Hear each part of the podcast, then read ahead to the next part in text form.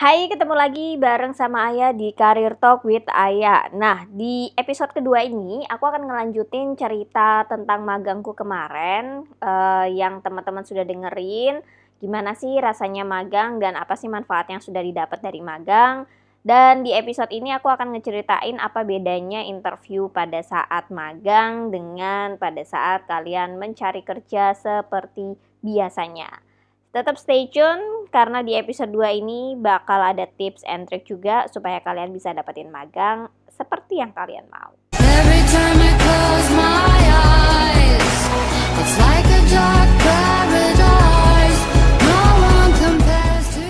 Oke, okay, so di episode kali ini, um, kalau kita ngomongin soal magang, seperti di episode yang satu kemarin, mungkin kesannya kayak aduh Kak Aya tuh gampang banget ya dapetin magang. Padahal sebenarnya mungkin pada saat itu bisa jadi faktor luck juga ada. Tetapi sebenarnya uh, pada saat aku magang di perusahaan uh, Jerman itu ada proses seleksinya juga yang sebenarnya kalau dibilang ketat ya lumayan ketat juga sih karena ada psikotes kemudian juga ada uh, sedikit interview tetapi interviewnya tidak sedalam seperti halnya ketika interview kerja gitu ya.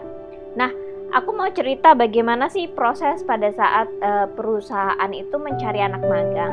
Yang pertama adalah perlu kalian garis bawahi dulu kalau yang namanya magang itu biasanya memang karena faktor uh, karyawan yang ada di sana itu lagi overload atau mungkin lagi ada project baru yang sekiranya butuh uh, tambahan orang yang bisa mensupport untuk project-project baru itu. Nah, di sini uh, kenapa mereka cari anak magang? Karena mereka melihat spesifikasinya itu nggak perlu yang tinggi-tinggi banget gitu.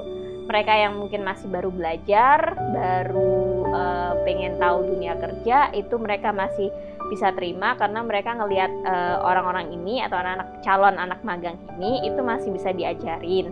Dan kedua juga pekerjaannya itu sebenarnya nggak terlalu ribet-ribet banget gitu. Pekerjaan yang sangat simpel atau pekerjaan itu yang sebenarnya bisa diajarkan ke siapa pun. Nah uh, melihat dari kebutuhan magang seperti itu mereka pada umumnya akan mencari memang berdasarkan background pendidikannya nih karena kalau misalnya kita ngobrolin soal magang, kita akan mencari orang-orang yang sebenarnya secara pendidikan itu berkaitan dengan tempat di mana nanti dia akan ditugaskan. Supaya nanti pada saat teman-teman uh, proses magang ada suatu experience yang didapat dan itu membuat kalian juga ada uh, nilai implementasi dari ilmu yang kalian dapetin selama kuliah. Kurang lebihnya kayak gitu. Dan selain itu juga um, kenapa magang itu kadang kita juga ngambil dari um, background pendidikan yang similar gitu karena biasanya mungkin di semester semester akhir teman-teman itu butuh untuk bahan skripsi gitu kan. Nah, sebenarnya ini salah satu momentum yang cukup bagus untuk anak-anak magang juga bisa menggunakan tempat magangnya dia untuk melakukan research. Dan ada banyak beberapa perusahaan yang memang open untuk menjadi tempat research. Ya, selama tadi misalnya kalian e, melakukan itu pada saat proses magang yang tidak membuat e, pihak perusahaan itu menjadi kerepotan gitu. Tapi tentu saja ya kalau misalnya kalian melakukan research di dalam satu perusahaan meskipun kalian sedang magang harus ada izin juga. Jadi harus lampirin uh, proposal, kemudian juga lampirin surat izin dari kampus kalian. Nah, itu adalah proses uh, kenapa perusahaan mencari anak magang dan kriterianya seperti apa. Terus kemudian ketika mereka sudah e, mencari nih sesuai dengan kriteria yang biasanya berdasarkan background pendidikan, kadang ada yang menggunakan tes juga. Jadi misalnya ada psikotes e, untuk melihat ketahanan atau psikotes untuk pengetahuan umum, tapi psikotesnya ini nggak pernah terlalu detail-detail banget gitu. Biasanya hanya menggunakan satu atau dua alat tes yang sifatnya hanya untuk mengetahui apakah nah ini mungkin bisa kerja cepet gitu ya atau uh, dia sangat fleksibel gitu untuk dimintain tolong di pekerjaan mana pun gitu. Nah, uh, itu kalau ada yang menggunakan psikotes. Tapi ada juga yang nggak pakai psikotes, udah langsung aja pakai interview mungkin interview sama usernya yang bakal jadi mentornya dia atau pengawasnya dia dan uh, di situ cuma dicari apakah nah ini cocok apa enggak gitu. Kalau ditanya ditanyainnya seperti apa sih kalau misalnya interview magang gitu ya biasanya ditanyain lebih seputar sekarang aktivitasnya ngapain terus kemudian uh, apakah ada kegiatan di luar kuliah yang juga diikutin dan seperti apa terus kemudian ditanya uh, alasan kenapa kalian mau ngambil magang gitu biasanya yang akan cenderung diambil itu adalah mereka yang memang niat magang itu sebenarnya niatnya pengen belajar dan itu inisiatif sendiri gitu bukan dasar dari oh sekarang memang lagi kampus lagi ngadain um, program magang yang diwajibkan dan saya harus mencari tempat magang. Nah yang kayak gini-gini nih biasanya agak susah ya ketika nanti kalian sudah magang itu biasanya kurang fleksibel gitu karena ya itu tadi karena faktor hanya memenuhi kebutuhan uh, persyaratan kelulusan. So well ketika kalian sudah memutuskan untuk mencari magang um, meskipun itu sedang menjadi program wajib dari kampus, kembalikan niat kalian itu adalah magangnya memang cari tempat untuk belajar gitu. Karena dari niat itu akan terpancar kok bagaimana ketika kalian interview gitu ya, kalian akan ditanya-tanya gitu. Nah, nanti setelah interview bagaimana? Nah, setelah interview biasanya sudah akan ada pemberitahuan nih, entah itu uh, secara resmi uh, lewat email gitu ya atau akan ada informasi via telepon untuk kalian akan join. Nah, mungkin kalau biasanya teman-teman magang itu kan kadang tadi ya buat kebutuhan kampus itu butuh surat. Bisa nggak sih dapat surat? Bisa. Teman-teman tinggal minta aja surat konfirmasi kalau kalian diterima untuk magang selama periode kapan sampai dengan kapan. Dan kalau kita merunut dari uh, proses penerimaan atau proses pemagangan dalam negeri itu memang pasti harus ada surat keputusan penerimaan uh, mahasiswa magang kayak gitu.